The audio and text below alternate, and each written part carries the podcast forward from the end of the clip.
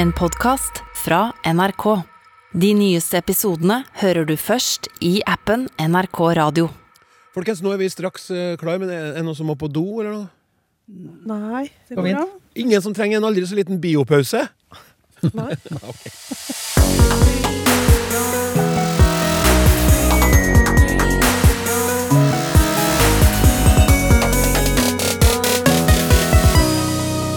Når ble eh, kostebinderi mer enn et yrke? Hvem er det som finner på ord som utviklingsforskjell? Og hvor hen skal det bli av hvor hen? Jeg må bare si at vi i dag har litt av en sending å by Eh, Vent litt. Burde jeg heller sagt uh, I dag har vi litt av en sending å by på Eller kanskje heller Vi har litt av en sending å by på i dag. Hmm. Eh, Jeg vet i alle fall at vi skal forsøke å svare på nettopp det i løpet av den neste timen med Språksnakk, programmet der du spør om språk, og ekspertene svarer. Snakk krøllalfa.nrk.no er som alltid adressa du bruker for å nå oss, og oss, det er, i tillegg til meg, Klaus Sonstad, følgende finfine språkforskertrio.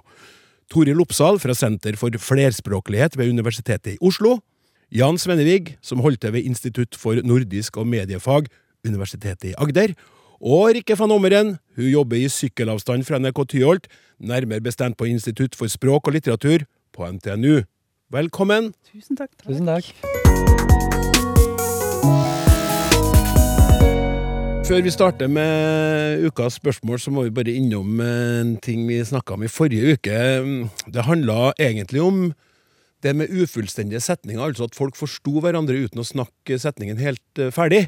Eh, og mm, hun, forskeren snakka litt om at det kanskje var relatert til tabuting, det med å gå på do.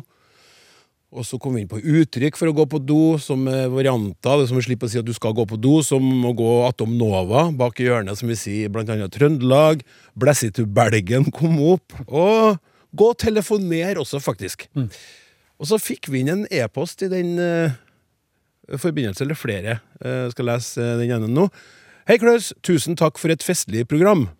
Etter episoden der dere snakket om diskré måter å si at man må på do, så kom jeg på noe som jeg synes er snedig. Før pandemien så var det vanlig at en møtedeltaker sa kan vi ta en teknisk pause, eller rett og slett bare en teknisk, når hen kjente naturen kalle. Men i pandemien dukket ordet biopause opp. Jeg lurer på om ikke en biopause er litt lenger enn en teknisk pause. For på hjemmekontoret må man jo lage kaffen selv, så på dager med rygg til ryggmøter så måtte man be om tid til både å tisse skvetten og å fylle på med vann og kaffe. Har dere noen tanker om hvordan nyord som biopause oppstår? Interessant nok så gir ordet bare treff på Google som naturlegemidler for overgangsalderen, men jeg synes at uttrykket fortjener å bli et nytt norsk ord. Altså, Vi skal ikke gå så mye inn på det med oppstandelse av ord akkurat nå, men har dere hørt om biopause i det hele tatt? Nei. Ikke? Ikke hørt det. Nei. Eh, samme her. Jeg har ikke hørt det før. Eh, så akkurat nå så kan jeg bare si at jeg syns det er et ganske artig ord for det å gå på do. For eh, det er jo virkelig en biologisk greie, det å gå på to toaletten. Men så kommer det et PS her som leder meg til det som jeg har lyst til å ja, utfordre lytterne på, da. PS. Gubben sier at han må ut og lufte bikkja når han må på do. Han har aldri hatt hund. Og av og til lurer jeg på om han går på langtur med det imaginære dyret.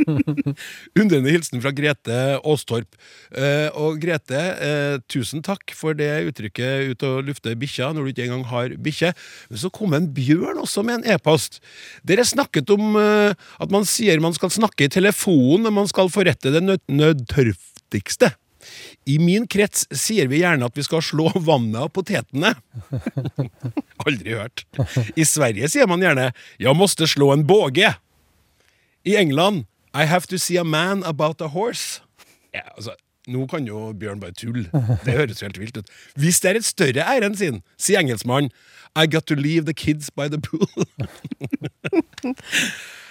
nå skal ikke jeg begynne å plage dere tre her med deres favorittuttrykk. Eller har dere et, uh, Toril? Jeg er nok drittprat. Ok, greit. greit, greit. Uh, melding mottatt. Men før vi, før vi går inn i dagens lytterspørsmål, så eh, lurer jeg da på, kjære lytter, hvordan formidler du at du må på do? Har du et artig og eller velegna uttrykk? Skriv til snakk krøllalfa.nrk.no, så får vi se hvor det her bærer. Eller brister.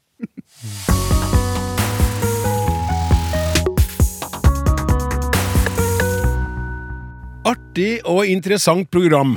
Stas når en e-post åpner sånn, da. Lurer på om Totendialekt har noen av de sterkeste verbene. For eksempel å sove, sæv, svav, har søvi. Å sove, altså. Språkviterne vil selvsagt si at slikt er på vikende front. Det handler om utviklingen, gjerne med referanse til gammelnorsk, det er egentlig helt greit, osv., osv. Den har hørt på språksnakk før, da. Rikke. Oh my god! Hvilken attitude i en språksetting! Hilsen Nils Roar Gjerde, Nestun. Ja, Rikke. Har Totendialekt noen av de sterkeste verbene? Ja, det var det, da. Det er jo en artig måte å stille spørsmål på. Men vi kan jo begynne med å liksom rydde opp litt i hva et sterkt verb er for noe, i utgangspunktet. Og det er altså da en betegnelse vi bruker om verb som ikke har eh, i preteritum, og i mange tilfeller, for ikke å si de fleste, så vil også sterke verb da ha en vokalendring i rotstavinga. For eksempel da å bære. eh, På bokmål blir da bærer, bar, har båret. Og svake verb er jo da det her, det her skiller seg fra, og det er eh, verb som har bøyingsending i preteritum. For eksempel å kaste. Kaste, kaster, kasta, har kasta. Um, men så var det det der med Toten, om de har de sterkeste verba. Uh, og det tror jeg ikke det er grunnlag for å si, dessverre. Dessverre for innsenderen, da, i hvert fall. Uh, men det er ganske vanlig å rangere, eller ikke rangere, men klassifisere sterke verb i eh, ulike klasser. Men da er det altså ikke snakk om hvor sterkt de er, men at de deler bestemte karakteristikker, derfor grupperes sammen. Og da er det særlig denne vokalskiftet da, som gjør at eh, at han grupperer dem. Og i ei skildring av Totenmålet, som er skrevet av lingvisten Jan Terje Forlund, så eh, er da å sove, eller å sove, blir det vel, eh, plassert i fjerde klasse. Sammen med andre sterke verb med lang A i preteritum, sånn som å bære og vare.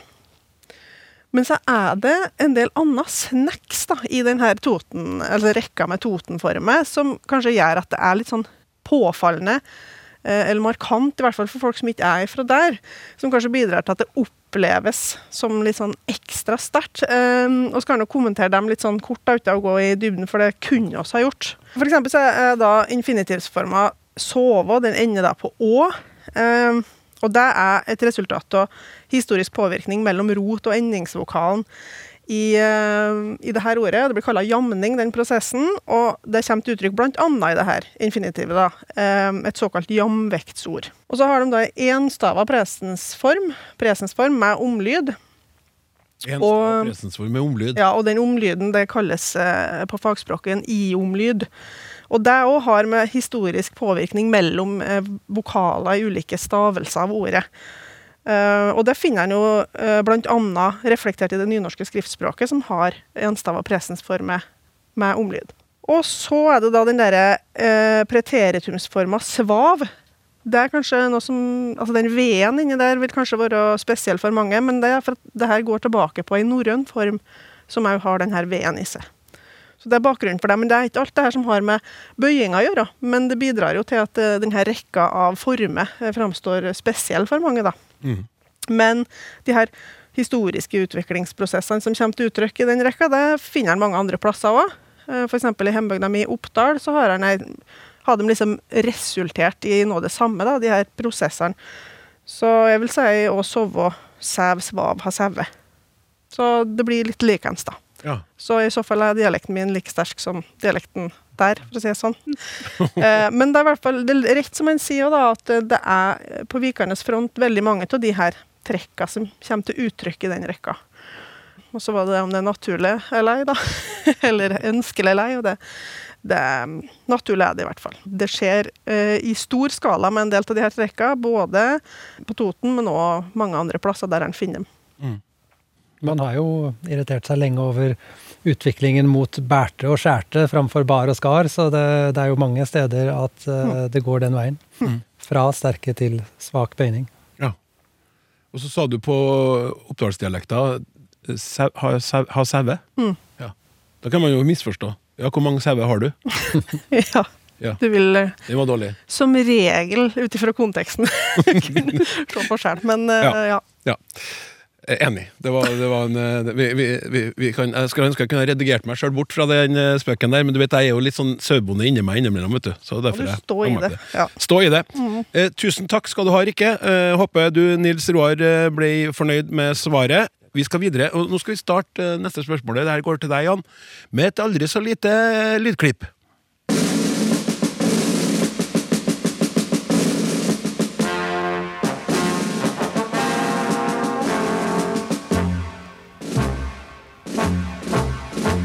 Hvor hen du går i li og fjell En vinterdag, en sommerkveld ved fjord og fossefell Fra Ja, fint. Vi skulle gjerne hørt mer av Jens Bukk Jensen eh, der, men eh, nå må vi over til e-posten. Tusen takk for enda et utrolig rikt og utfyllende språkprogram. Vi trenger alle de orda vi har, og alle de nye orda vi skaffer oss, men vi må ikke glemme de vi hadde inntil ganske nylig. Særlig ikke nå som alle er blitt skriftlige på nett. Det er slikt jeg tenker på. Sjøl soper jeg opp ord fra nynorsk, bokmål og dialekter. Alt hjelper. Jo flere ord, jo enklere å si det en skulle sagt. N og hen står som ei overskrift inni e-posten her nå. På baksida av VG står det å lese. Bla deg gjennom papiravisen, side for side på mobil og nettbrett, hvor enn du er i verden. Jeg har begynt å tenke litt på dette enn. Det kunne stått hvor du enn er, i stedet for hvor enn du er. Det ville være norsk, og, jeg, og ville gitt et eh, meningsfylt budskap. Men betyr det det samme? Jeg kommer også på et annet slikt lite ord som gir ekstra mening til hvor. Hen. Hvor du er hen, og hvor hen henne du er. I Hvor hen du går i li og fjell, ligger det en bevegelse og retning, men da jeg var liten, yngre, sa vi både hen er du, og hvor er du hen, knytta til et bestemt sted.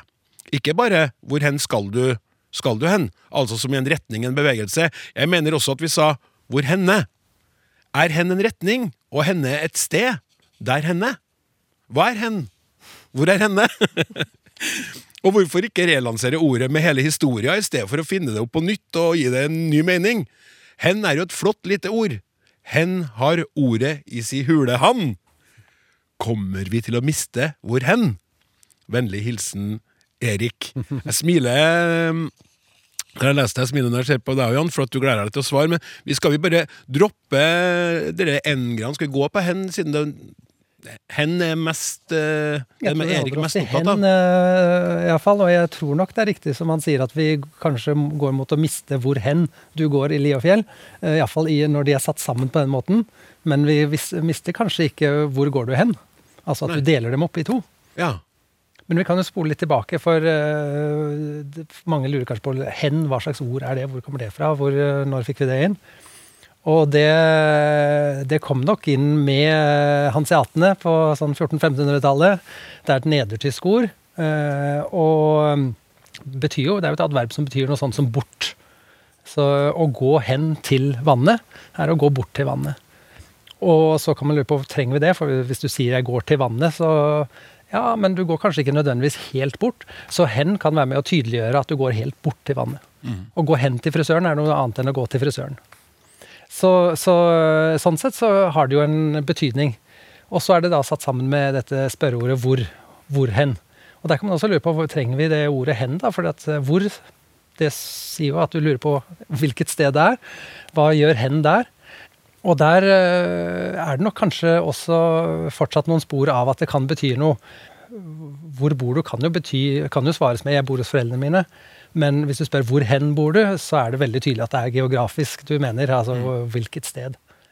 Så det er, vi har det nå der, og det kan bety noe. Og så sp- er, det spørsmålet der er det forskjell på hen og henne. Og det har det kanskje vært, at henne er mer øh, på et sted, mens hen er i retning av et sted. Men jeg gikk nå inn og så søkte på sånn dialektkorpus og sånn, hvor vi har masse opptak av hvordan folk faktisk snakker. Og da øh, er det veldig mye 'hvor hen bor du', eller 'hvor bor du hen'? Og da er det på stedet, så det er ikke til et sted, det er ikke noen retning. Allikevel så er det bare 'hen'. Og det er ikke så mye 'henne'. Finner noe 'henne' også. Eh, særlig belegg fra Nord-Norge eh, mange steder. Noen få belegg i Oslo-området, men det var faktisk bare eldre mennesker. Så det kan se ut som iallfall henne er på vei ut, iallfall i Oslo-området. Mm. eh, Og at det er hen som har overtatt i veldig stor grad. Mm. Både for i retning et sted, og for på stedet. Ja. Så vi kan jo tenke, altså, Mens vi snakker om tysk, da, altså, der har det jo en forskjell mellom wohin, som er i retning til stedet, og så er det wo, som er hvor på stedet. Og sånn sett så kan man jo tenke at eh, det er en parallell der, at det ligger litt i at dette er hvor hen opprinnelig har vært en Wohin? i wohin mm. og hvor hen på norsk, eh, at det er retning. Ja. Og så var det til slutt uh, dette med om det kommer rett etter hvor, hvor hen, eller hvor bor du hen? Hvor plasserer man dette henne? Uh, og der finner jeg igjen nokså lite at det står sammen. Hvor hen? Eh, det vanlige, iallfall overveiende vanlige, er at man plasserer det til slutt hvor bor du hen, og ikke hvor, bor, hvor hen bor du. Ja. Så det ser iallfall ut til å være de utviklingstendensene, så kanskje det vi ikke får så mye mer Jens Bukk-Jensens 'Hvor hen'. Vi får trøste oss med bukken eh, eh, når vi savner det som mest, da. Toril? Ja, jeg syns det er interessant at vi kanskje mister en hen, og får en ny eh, hen ved pronomene. Men, men likevel så er det et eller annet med at jeg, jeg har inntrykk av at i skrift så, så bevarer vi hen eh, også der det handler om tid. Altså, vi visner hen. Det er et annet som skrider hen. Og, eh, og vi lar ikke noe gå upåaktet hen. Så det er noen sånne faste uttrykk og, og situasjoner der hvor hen eh, lever kanskje videre. Og så tror jeg også det var et spørsmål inni der om man skal, bør skrive 'hvor hen' sammen. Er det ett et ord, liksom? Hvor hen går du? Eh, men eh, reglene der sier at man skal skrive det 'hvor hen' i to år. eh, Nettopp med begrunnelse av at 'hen' fungerer jo som et selvstendig ord. Ja. Så selv om det kommer etter 'hvor', så blir det ikke, slås det ikke sammen til ett ord for det. Så det taler jo for at det fortsatt er et ord med, som oppleves som en, har en selvstendig funksjon. Ja. Takk skal du ha, Jan. Vi går videre til følgende e-post. Toril, den er retter jeg i første omgang mot deg. Så denne annonsen for konsert i lokalavisa Opp, eh, opp.no. Øystein Sunde kolon. Men en kan ikke forlange at folk fra Oppdal skal reise til Chat Noir for å se på, så vi kommer rundt i tillegg, det hører jo med. Da reiser vi rundt med hele kostebinderiet. Og så eh, kom eh, innsendet på en artikkel i Aftenposten 13.9, som også er vedlagt med en bilde. Carl Jeppesen kom til Norge som børstebinder hos Jordan i Oslo, byen han senere ble Ap-ordfører i. Siden avanserte spørsmålstegn, han fra børster til piassava, altså koster, en kosteminner i et kostebinderi. Veldig konkret å tenke på. Abstrakt er det vel mer som alt i hop, rubbel og bit, smitt og smule etc. Når ble begrepet kostebinderiet, som hos Øystein Sunde, noe annet, men som mange forstår hva er? Finnes kostebinderi noen steder i litteraturen? Finnes ordet på nynorsk? I billedteksten i Aftenposten er Jeppesen også en flåttenfeier. Jaha! Med vennlig hilsen Alf Skille. Alf Skille, altså. En legende i midtnorsk mediesammenheng. Eh, Du trenger ikke å gå noe nærmere inn på det. Mye mer interessert i å Ja. høre Nei, jeg, må si, jeg så Oppdalingen her. Rikke satt og smilte da hun hørte at Øystein Sunde kom til Oppdal. Så det var også en ting. Men ja, kostebinderi. Ja. Eh, binderi, veldig konkret, det er jo en virksomhet der man binder et eller annet. Og jeg syns jo eh, ja, jeg synes det var veldig fascinerende. Jeg, jeg gikk inn og så på Var det Folketelling 1891? Eh, Så var det opplisting av eh, såkalt eh, altså livsstilling, yrker. Og der var det 204 menn og 39 kvinner som var henholdsvis kostebindere, mattebindere, soplimbindere, vispebindere, kurvbindere og stråfletter. Så dette her er konkrete yrker. Så, så her har vi rett og slett en som binder koster. Eh, og Carl Jeppesen, eh, som kom til Jordanfabrikken. Altså Jordanfabrikken som sådan i Oslo, ganske legendarisk. Vi har eh, et, Har dere Jordan tannbørste, kanskje? En del? Ja. Så noe kost også. ikke sant? Fordi eh, altså Wilhelm eh, Jordan han måtte til da, da, Jeg syns det var en fantastisk beskrivelse av Hamburgs driftige børstebindermiljø. For å lære seg hvordan man kunne gå fram. eh, Driftige børstebindemiljø i Hamburg, Ja. for, for å finne denne kompetansen. Men her er det jo spørsmål om den konkrete yrkesbetegnelsen, kostebinder, kostebinderi, eh, og den abstrakte, som, eh, som lytteren beskriver veldig fint her. Den abstrakte, eller den overførte, den har en litt sånn uklar etymologi. Det er ikke helt klart hvor den kommer fra. Altså Hvorfor er det Øystein Sunde har med hele kostebinderiet? Det var jo Stein Sunde som skulle til Oppdal, var det ikke det? Jo. Og det er noen, bl.a. Norske Akademis ordbok, de mener at dette har med reisende å gjøre. Altså omreisende som, som nettopp livnærer seg av å binde koster og visper og strå og fletter. Og i det å være omreisende så er det jo også litt, kanskje en litt sånn ja, ymse, det er ymse grupperinger. Noen blir, og noen kommer, og noen får solgt, og noen Ja. Og så kan du se for deg det at når du binder sammen ris eller annet til kost, så kan det sprike, og noe peker i den ene retningen og det andre, og det er veldig mye. Ja, litt ymse. Eh, Så det å se for seg hele kostebinderiet når du skal av gårde på turné, eh, og smått og stort, og lydmann og, og trommeslager og bassisten og alt utstyret, det er litt av et kostebinderi. Så, så det er noe veldig konkret også i den overførte eh, betydningen. Ja, det fins også på nynorsk. Seinest, tror jeg det var forrige uke i Sunnmørsposten, så sto det noe om kostebinderiet. Og det fins i litteraturen. Men akkurat det øyeblikket da vi fikk den overførte betydningen, det har ikke jeg vært i stand til å finne ut av. Også. Så jeg lurer på om jeg må fri til mine til resten av kostebinderiet her. um, Et herlig uttrykk. Syns det er fint. Og det er litt sånn øh, Det er en kollega av meg Jeg jobba i Adresseavisa. Øh, han øh, hadde sånne pjolterord. Øh, Altså ord og uttrykk som er litt sånn utdøende, ikke sant? Som, som, som han drev og henta fram en gang i uka. Kostebinderi føler jeg er litt der. Altså, Jeg synes det er artig at det lever fortsatt. men sånn, Man vet ikke helt hvor det kommer fra. Det er veldig gammeldags, men så er det heldigvis med oss. da. Kanskje ikke helt pjolterord nettopp for at det brukes fortsatt, faktisk. Ja, det gjør det. Ja. Eh, det gjør det. Og det fins jo også beskrevet i ordbøker langt tilbake, tidlig 1800-tall. Men, men de, det, det er ikke så veldig mange tilfeller av den konkrete bruken lenger. Nei. Derfor så var det artig med denne Aftenposten-artikkelen også. Ja. Og særlig denne Piazzava-kostekspertisen som Carl Jeppesen kunne tilføre. Den, den, var, den er veldig veldig tydelig å se for seg. Så, Ja. Det var et kostelig spørsmål. Hei, mitt navn er Tor Arne Hogstad, og mitt favorittord er fottati.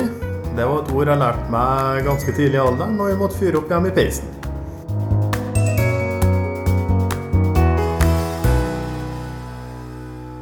Fått inn et par fine mm, e-poster her eh, i forbindelse med den saken som eh, tidligere nevnt eh, om ufullstendige setninger. Altså mennesker som kjenner hverandre såpass godt at de trenger ikke å fullføre setningene helt. De forstår hverandre likevel. Spurte jeg var det noen der ute blant lytterne som kjente seg igjen, og sannelig min hatt. Her kom det svar. Hei! Måtte fnise av spørsmål om ufullstendige setninger. Flytta hjem til øya på Sunnmøre for noen år siden, og har i økende grad begynt å snakke i halve setninger. Trodde det var fordi jeg gikk og surra for meg selv og ikke gidder å snakke skikkelig, men kanskje det er en øy øya-greie? Eller kanskje henger de to tingene sammen? Ønsker dere alle en flott dag. Randi Kjærstad Hagerup. Hei! Dette gjør jeg med venninna mi, søstera mi og mor mi. Veldig ofte med noe håndbevegelser, grimaser og blikk. Folk rundt oss kan se ut som spørsmålstegn, mens vi forstår hverandre veldig godt. Mens vi forstår hverandre veldig godt. Alle er vi bosatt i Haugesund og fastlands Karmøy, men kommer fra Hardanger. Med vennlig hilsen Elin Bay Eikemo. Fint å vite eh, at folk eh, kan forstå hverandre sjøl om de ikke fullfører setningene. Rikke, vi skal over til et nytt spørsmål fra en lytter, innsendt til snakk krøllalfa.nrk.no. Her kommer et nytt ord. Utviklingsforskjell. NRK skriver 'personer med utviklingsforskjell'. Jeg regner med at ordet er funnet opp for å erstatte utviklingshemming, skråstrek utviklingshemma, og å skilje tilstanden fra, tilstanden fra personen, slik vi nå sier personer med demens, i stedet for å omtale folk som demente. Men hva betyr utviklingsforskjell? Forskjell fra hva? Kan du ha en forskjell? Fins det en normal her? Hva er det motsatte av utviklingsforskjell? Utviklingslikskap, skråstrek likhet? Kan det brukes om normal utvikling? Det har vært mange fæle ord om personer med forstyrra, skråstrek hemma, unormal utvikling. Men dette må da være et språklig misfoster? Hvem er det som finner på å eller bestemmer denne terminologien? Helsing Marte. Godt spurt. Ja. Spent på svaret. Ja, og være oppmerksom på bruken av et ord her som uh, jeg i hvert fall ikke har, sett mye bruk av. Så jeg måtte jo undersøke litt om det faktisk er mye bruk, og det er egentlig lite som tilsier det. I hvert fall i medietekster så er det vel omtrent den eneste medieteksten jeg kan finne det i, er den som, som innsenderen viser til. Oh, ja. Uh, og interessant nok så er det jo òg eh, Altså, i den saka så følger det med begrepsforklaring til eh, utviklingsforskjell. Og da står det at det betyr utviklingshemming. Og det indikerer jo at det her er såpass uh, nytt da, at, at de ikke forventer at uh, folk er kjent med det når de møter det. Um, men jeg tror jo at det kan være som innsenderen antar, at det handler om å unngå andre begrep, da. uh, kanskje da særlig utviklingshemming. Eh, eller tilsvarende begrep, og, og mange av dem er jo da mer negativt lada. Um, men om det er et språklig misfoster, det er jo eh, Tja, kan jeg nå si. Fordi på den ene sida, når du snakker om forskjell, men du bruker det bare om eh, noen individ, eh, så det, det er jo underforstått, kan du si, at eh, det er forskjell fra et eller annet. Så den underliggende normen, eller forestillinga om normalitet, den flyter jo med bruken hele veien. sånn at eh, du kommer jo ikke bort ifra å utkrystallisere noen som forskjellig fra andre på en eller annen måte. Eh, Men samtidig så er det jo argument for at den typen begrep kan ha noe for seg. Um, og mange lignende uh, termer har vært opp til diskusjon om å bli heftig diskutert.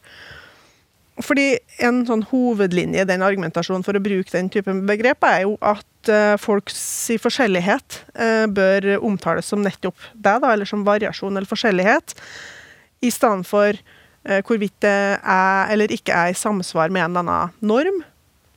Uh, og det er jo i tillegg også veldig stor variasjon mellom de tilstandene som et begrep som utviklingshemming blir bruka om. Og ikke alle uh, forskjeller uh, oppleves som hemmende i det hele tatt.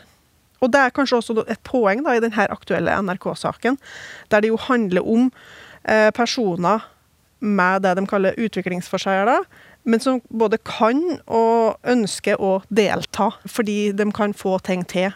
Så det er et poeng å, å ikke peke på det de ikke kan få til. Mm. Uh, og så er det jo sånn at som mange har påpekt, da, så er det jo ikke funksjonshemma før du møter forhold i konteksten som ikke er tilpassa det. Som er tilpassa ditt uh, funksjonsnivå, da, kan du si. Uh, og det kan en se reflektert i bruken, som, bruken, av begrep som funksjonsnedsettelser i stedet for funksjonshemming. Uh, og jeg ser at en del har tatt til orde for å unngå begrepet utviklingshemming, nettopp av den grunn. At uh, en ønsker å, legge vekta på noe annet, da. Men hvem er det som finner opp sånne begrep, da? Det er det jo ikke lett å svare klart på, for det er jo ikke én person som sitter og avgjør det, i hvert fall. Men man kan jo kanskje peke på noen aktører som er sentrale. Og da er det f.eks. fagfolk innenfor helse, dem som lager de offisielle rammeverkene for ulike former for uh, diagnoser. Der vil jo legge føringer for hvilke begrep som blir bruka. Mm. Men de er også ganske, eller i hvert fall etter hvert, lydhør for uh, dem som begrepene angår. Man kan f.eks. se at uh, noen medisinske tidsskrift har språkspalter, der de drøfter f.eks. sånne spørsmål. Uh, og så er det da dem som begrepene angår, uh, eller de pårørende, som kan mene noe om hvilke begrep som er treffende eller heldige eller uheldige bruk. Og så har du myndigheter som en aktør, som legger lovverk for uh, hva som regnes som diskriminerende atferd og diskriminerende språkbruk. og som også kommer med anbefalinger om språkbruk, og som gjennom egen språkpraksis i offentlige etater, f.eks. Bidrar til å sette begrepsbruk. Og så er det jo språksamfunnet mer generelt, da. Altså oss språkbrukere, som bestemmer hva som kommer i bruk. Og foreløpig så er det ikke veldig mange språkbrukere som bruker utviklingsforskjell, da. Men det kan jo være interessant å, å følge med på. Det er veldig interessant eh, at man Det er jo veldig typisk utvikling at man finner eh, stadig nye ord for termer som man opplever som belastende mm. for en gruppe, ofte grupper som er minoriteter på en eller annen måte. Eh, og det er jo mye prisverdig i det, syns jeg, men en ting som man kanskje ikke tenker så mye over, er nettopp det som du sier, at uh, folk blir uh, kanskje usikre på hva de skal si. Og dermed uh, blir det lettere å tie stille enn å snakke. Og sånn sett så er meningen er god, at man skal på en måte ta vekk tabuer og ta vekk det sensitive og sånn. Men man skaper jo nye tabuer nettopp ved at folk blir så usikre at de ikke vet hva de skal si. De er livredd for å si en dement istedenfor en person med demens. Og så øh, holder de seg tilbake og, og vil ikke snakke om det. Så på en måte så er disse uttrykkene synes jeg, med på å øke tabuiseringen av området heller enn å dempe det. altså. Samtidig så er det jo noe i det du sa, Rik, også med å, å skifte perspektiv. Altså At vi av og til tvinges til å tenke på en ny måte. Eh, og særlig dette med nedsatt funksjonsevne. At dette her henger vel så mye sammen med hindringer i omgivelsene. Det er ikke personen som, som går rundt med og mangler en evne. Og det er liksom, jeg synes det er interessant med eh, NHF, Norges Handikapforbund, som ble stifta som Norges vanførelag. Altså, når du mangler noe, og det er tittelen på forbundet ditt eh, vi, vi, Vanntrivsel bruker vi jo i dag. Vi mangler noe.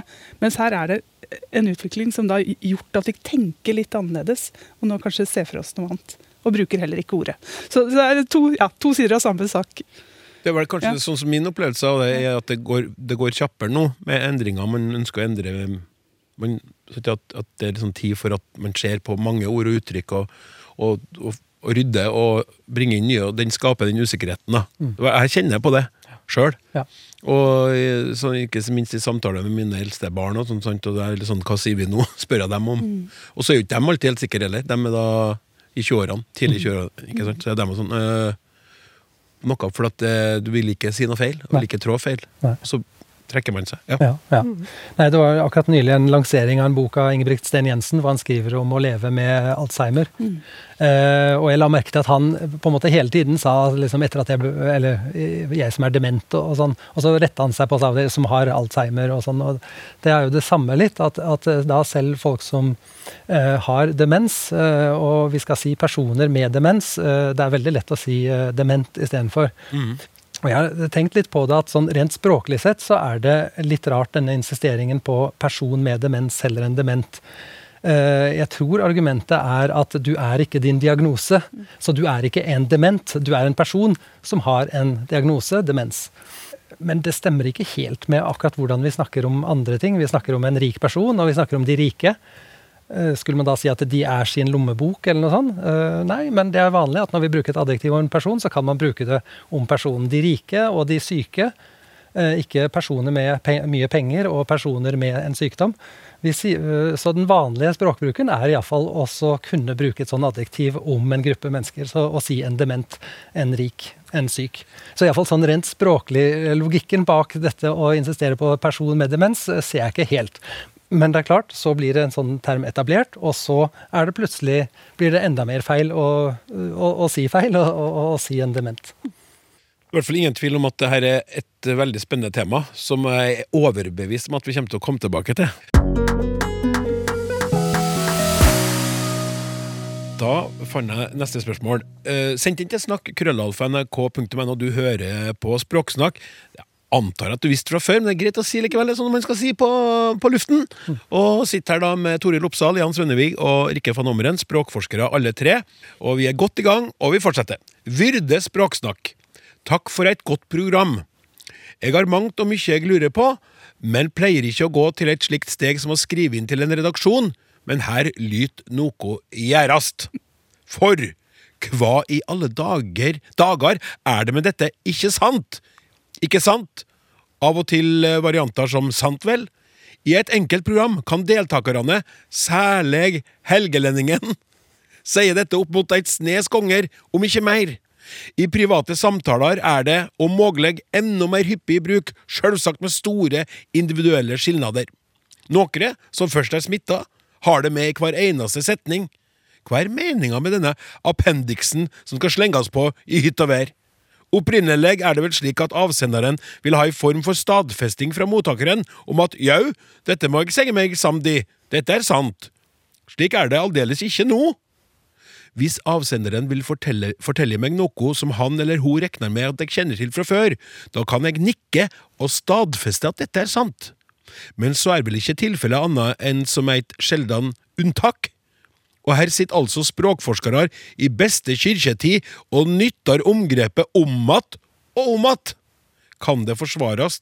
Er det jeg som misforstår, eller er dette en uvane? Beste helsing Morten Haug Frøyen. Og nå skal jeg ikke plumpe uti med en sånn vits eller tull med ikke sant? Fordi det, tror ikke jeg Morten gidder. Han vil bare ha et svar. Ja. ja da, dette ikke sant kommer jo i mange varianter også. Eh, Han snakker om Helgeland. Jeg vet ikke hva de mest sier der, men eh, det er jo varianter med sant og santja, tror jeg. og eh, noen som, hvor man hører det veldig ofte, er dansker som, fra København som sier ik, ik. Etter veldig mye de sier.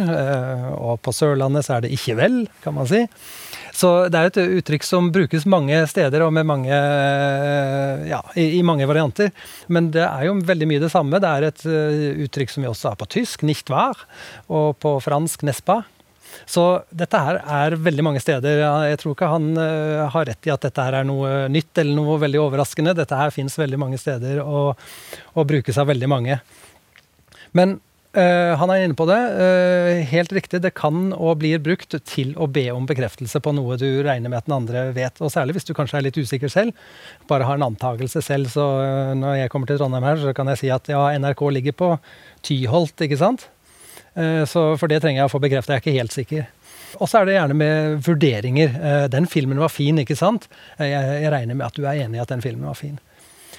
Og da er det ofte også plass til at den andre kan enten svare ja eller nikke eller noe sånt noe. Men så er det helt riktig som eh, det skrives her, at, at eh, veldig ofte så blir det ikke brukt sånn. Det blir slengt på uten egentlig å vente på noe svar eller et nikk en gang fra samtalepartneren. Og det Så var jeg hos legen, ikke sant? Ja, Og jeg sto der bare inne på det rommet, og det rommet var jo helt hvitt, ikke sant? Ja. Da for eksempel er det jo ikke noe som jeg har og jeg La la meg ikke til å lave til østlending nå, bare for å fjerne meg fra å drive med sjøl. Men Da er det jo bare? Ja. fortelle, ikke sant, og si ikke sant. Ja, der kom det på. Ja. Og da er det jo gjerne at du bare vil ha den andre med, se det for deg. Er du med? Eh, Følger du med? Du kan se det for deg, åssen det ser ut på et legekontor. Du vet sikkert åssen det er der, og sånn, ikke sant? Så, så, ikke sant? Så, eh, så, så da bare er du eh, opptatt av å, at den andre skal være med, se det for seg og oppleve det sammen med deg.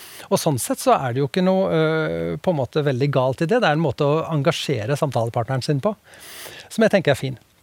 Eh, det kan nok, iallfall de gangene hvor jeg har opplevd det irriterende, er når folk sier ting som jeg ikke nødvendigvis visste fra før, eller ikke nødvendigvis er enig i. Og da kan det jo være sånn sant, eh, at folk sier eh, Ja, for 'Krigsseilerne' er jo en helt elendig film. ikke sant? Han Kristoffer Joner han har jo bare ett ansiktsuttrykk hele tida. Og det, jeg må si det er så det er elendig. Det er ikke sikkert at jeg er enig i det. Kanskje jeg syns det er den beste filmen jeg har sett noen gang.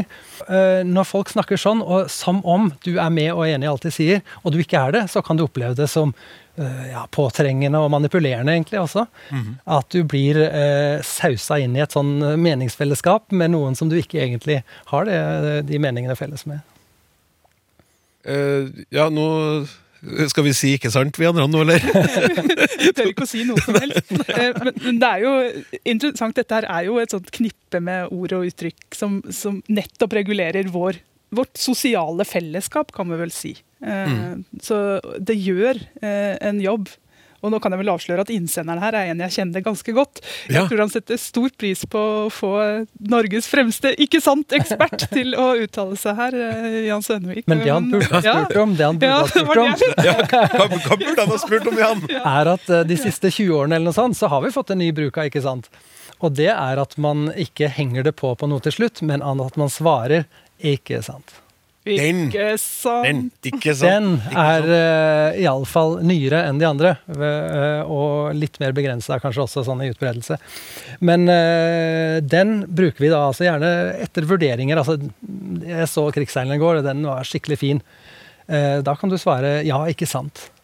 Hvis du svarer ikke sant da, så signaliserer du at dette visste jeg allerede fra før, eller dette mente jeg allerede før du sa det. Så du impliserer at du også har sett den og har gjort opp din mening om den. Ja. Mens uh, Jeg skulle ønska faktisk, når du sier det der, at søstera mi, som jeg har mye med å gjøre, hun bruker ofte å si istedenfor ikke sant, på den der måten så sier jeg 'jeg vet da vel det', sier jeg. Når jeg sier, at, sier ting til hun Ja. Jeg skulle egentlig foretrukket at jeg hadde kommet med en ikke sant isteden. Ja. Ja. For, for det er litt det samme. Ja. Så du sier jo at du er enig, men du sier samtidig at eh, når jeg nå er enig med deg, så er det ikke fordi du sier det, og så tenker jeg meg om, og så finner jeg ut jo, jeg er enig med deg. Men du sier at dette mente jeg allerede fra før, dette visste jeg allerede fra før, så dette har jeg selvstendig grunnlag for å hevde.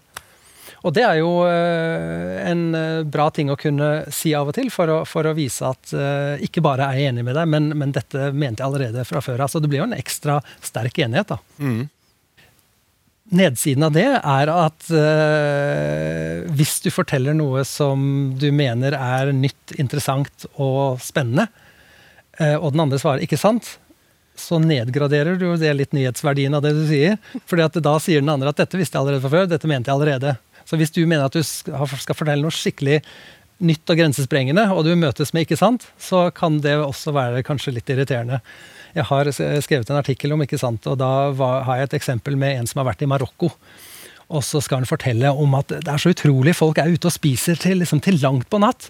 Så han, ikke sant. Eh, og, og ja, men, For det er ikke sånn som i Norge, for hele familier, små barn, er ute og spiser til midnatt, liksom. Ja, ikke sant.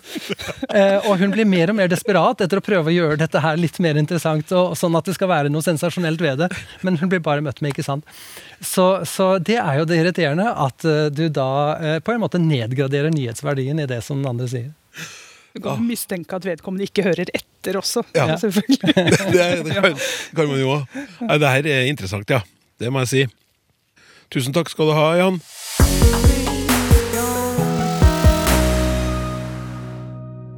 Hei! Når det gjelder plassering av tid i setninger, kan man plassere f.eks. i dag slik Vi har i dag sendt ut skriv til alle elevene. Tid skal vel stå først eller sist i setningen? I dag har vi sendt ut et skriv til alle elevene. Vi har sendt ut et skriv til alle elevene i dag. Hvordan forklarer dere denne plasseringen? Vi har i dag sendt ut skriv til alle elevene. Er den grei muntlig? Er den grei med komma? Vi har, i dag, sendt ut skriv til alle elevene. Takk for svar. INO kjenne. Gi deg til kjenne, Toril. Ja. Her tror jeg jeg skal tenke på det at nå sitter noen og hører på meg. Eh, Fordi når vi snakker, så, så må vi bruke språket på en bestemt måte. Vi må porsjonere ut informasjonen, sånn at det gjør det mulig for folk å høre hva jeg egentlig ønsker å fortelle i dag. Eh, Og vi har noen regler som vi kan ganske ubevisst, som gjør at vi veldig ofte plasserer det som er kjent, tidlig i en ytring, og så kommer disse litt mer innholdstunge og interessante leddene utover. Og så er det noen plasser som er forbeholdt litt lette og uinteressante ting. Eh, Så du kan si at vi har en nøytral måte å framstille ting på, og så kan vi manipulere den lite grann. Nå tenker jeg på torsk, jeg aner ikke hvorfor, men eh, i dag skal jeg ha torsk til middag. Det er en eh, opplysning vi kanskje kan forholde oss til. Det var kanskje ikke så spennende. Vi skal ha torsk til middag i dag. Ok. Vi skal i dag ha torsk til middag. Det skjer noe. Det skjer unektelig noe. Ja, det gjorde det. Eh, og det som skjer er at vi, vi, vi tvinges inn i en annen måte å prosessere det jeg sier på. Altså, vi, vi rykker til, for at vi, vi, vi manipulerer den kanskje mer naturlige informasjonsstrukturen. Og dette blir mer formelt. Eh, det oser av eh, tyngde fra rektors kontor eh, her. Altså, I dag har vi sendt ut et brev til alle elevene. Jaha, skal vi se. Hva skal dere gjøre i morgen, da? Nytt nett i fotballmålet. Altså, det, det, du, du får ikke den samme effekten som, som når du velger denne varianten med 'Vi har i dag sendt ut brev til alle elever'. Tonefallet Ja, det, det, det skjer Ja. naturlig. Ja. Eh, Så dette her har nok med formalitetsgrad å gjøre. eh, I, i, i en ganske sterk grad. Og Mm. også at man framtvinger noe assosiasjonen til noe skriftlig. Og at jeg også leser opp. Og kanskje Mm. det er derfor jeg velger den tonen jeg gjør. Torsk skal vi ha til middag i dag. Komma, spør eh, leseren om her. Mener jeg? Nei. Nei, Nei. Nei. Nei takk. nei takk. Nei. Nei. Ikke i dag. Ikke i dag, og heller ikke i morgen. Nei. Nei. Det som gjør det litt sånn uh, tungt å prosessere en setning hvor du får et sånn tungt ledd midt inni der, er jo at det tar lang tid før du kommer til verbet, som kommer helt til slutt. Uh, som du på ofte trenger for å få styr på hele setningen, hva den handler om. Altså, vi skal i dag ha torsk eh, til middag. Eh, og, og, da tenker jeg at det blir nesten litt som sånn tysk, tyske setninger hvor verbet kommer til slutt. Jeg skjønner ikke hvordan tyskerne kan finne ut hva en setning handler om før de kommer liksom helt til slutt med verbet. Vi er vant til å ha verbet tidlig i setningene i norsk. Og jo tyngre ledd du saster inn istedenfor I dag er jo ganske kort, det er ikke noe stort problem, men du kan si i byråkratisk stil så kan, det, eh, kan man si sånn at uh, leietaker skal, under forutsetning av at han har betalt alle sine Eh, betale leien den og den dagen. Eh, hvis du får sånne lange innskudd på den plassen der, så er det klart at da er det lett å miste eh, tråden i hvor denne setningen skal hen. og sånn, mm. Så, så det, er, det, er, jo veldig karakteristisk for sånn byråkratisk stil å sette inn lange ledd på denne plassen, som vanligvis bare har sånn korte, små adverbialer, såkalte setningsadverbialer, som jo, da, ellers. Vi skal ellers ha fisk til middag, vi skal jo ha fisk til middag, vi skal da ha fisk til middag. Så det er en plass for adverbialer men som regel bare sånne lette eh, som modifiserer hele setningen, og ikke som bringer inn masse nytt innhold. Mm. Det er jo eh, veldig fascinerende at det hører jo flere og flere si 'i dag vi skal ha fisk til middag'. For der har du jo denne effekten med dette innholdstomme. eller, I dag vi skal lett. ha fisk til middag? Ja, dette litt sånn lette, som, som da bringes til venstre i setningen. Vi, vi vet jo godt hvem vi er. Så den kjører vi til venstre i setningen. Snakker du nå om eh, mennesker som eh, er flerspråklige? Også, veldig, veldig, ofte eh, så hører du Men, men også folk som, som, ikke nødvendigvis er innlærer av norsk som et ja. andre- eller tredjespråk. Så, så her kanskje vi ser en endring. Og så er kunne sagt i dag vi har litt av et program å by på. Du skal ikke se kanskje Språksnakk 2042, så, ja. så får vi den. Det blir jo da ikke med meg som programleder, men jeg ser bort fra nå. Tusen hjertelig takk eh, skal dere ha for den fine forklaringa i dag. Hei, jeg heter Embla. Mitt favorittord er te, fordi jeg elsker te, egentlig, rett og slett.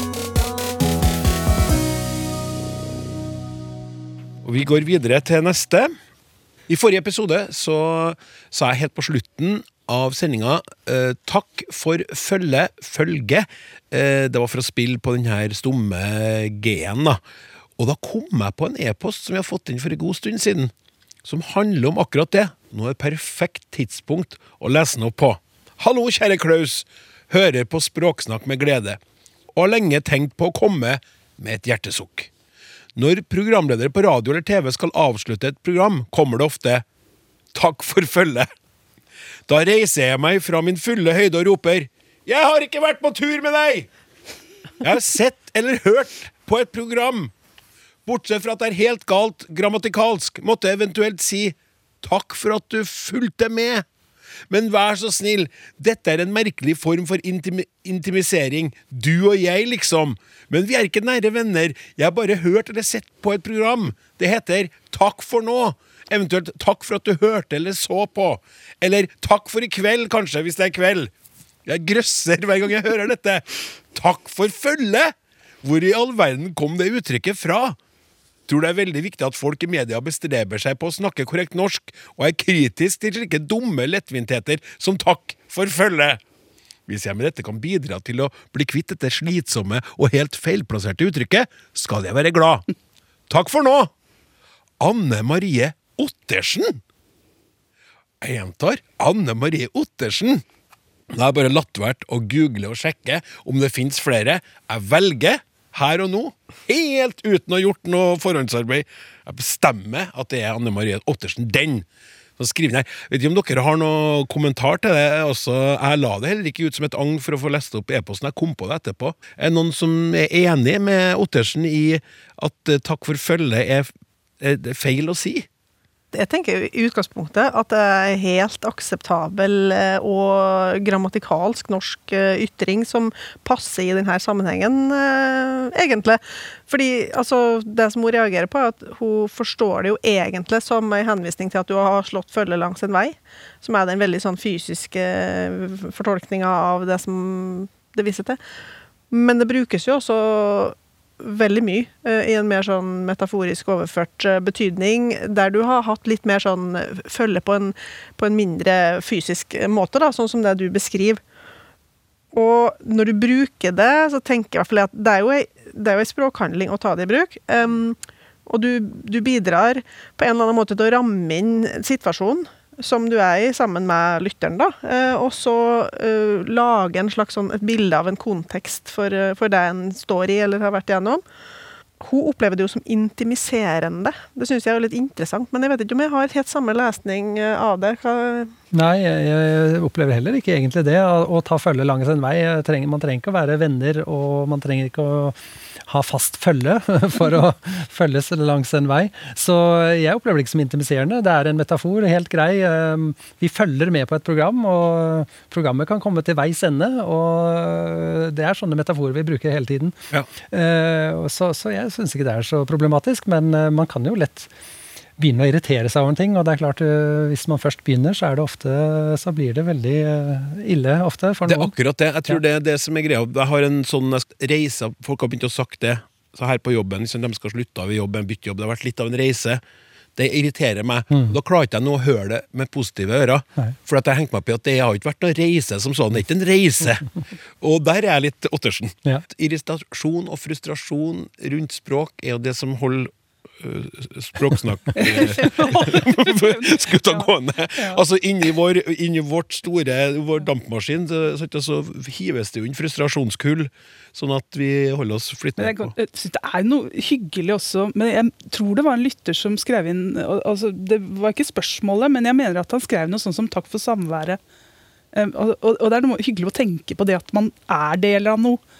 Eh, Og at man faktisk tar følge med noen gjennom ti minutter på vei til bussen mens man hører på. Altså, dette samværet, og Man kan jo også gå tett omslynget, selvfølgelig, så intimitetsgraden kan variere. Men eh, jeg er enig med Rikke og Jan, så jeg reagerer ikke veldig negativt.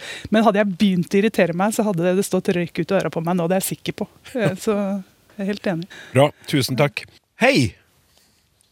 Norsk kommer jo som kjent fra dansk.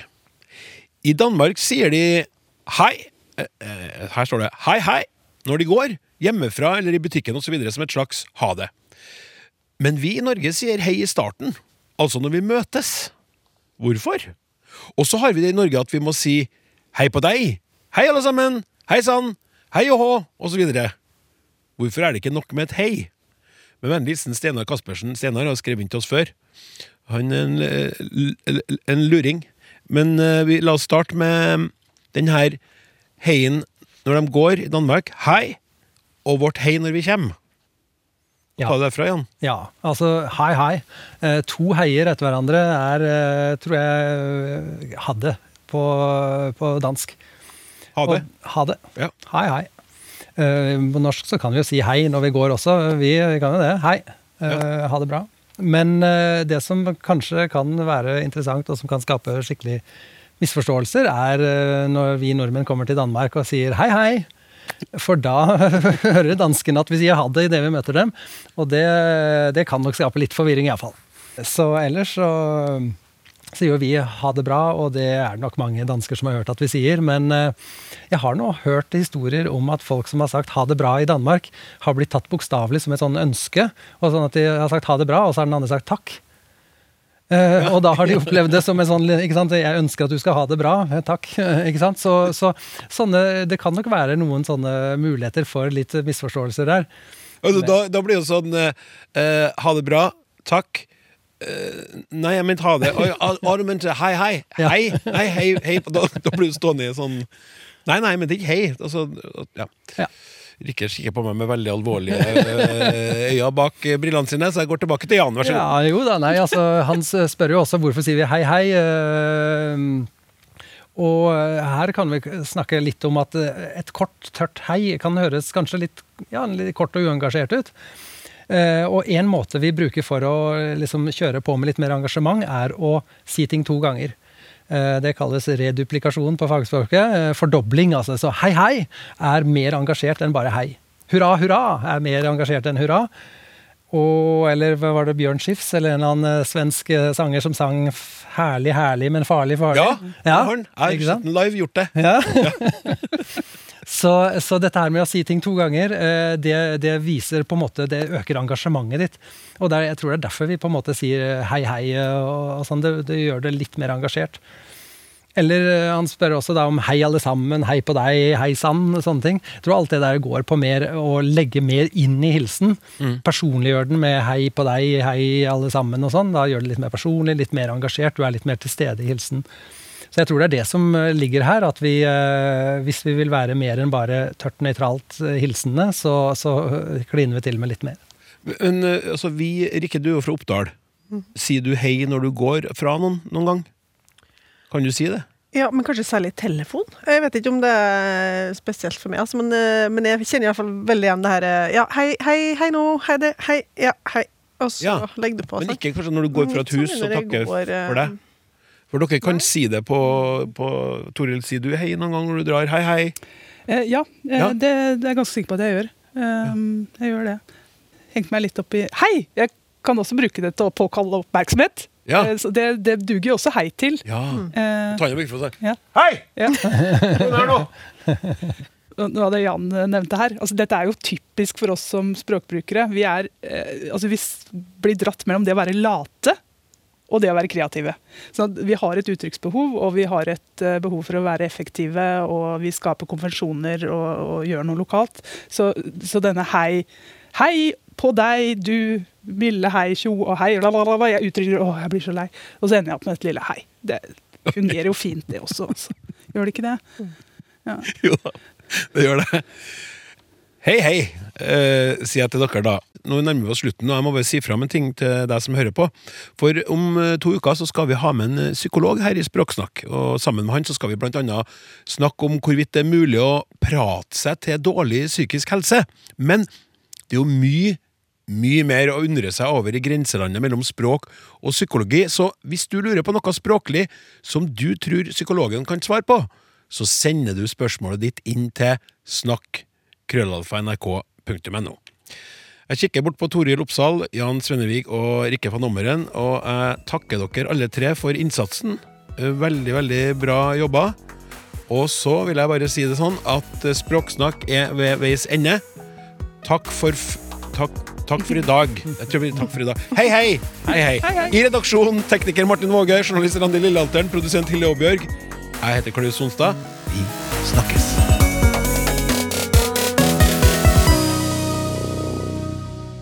Du har hørt en podkast fra NRK.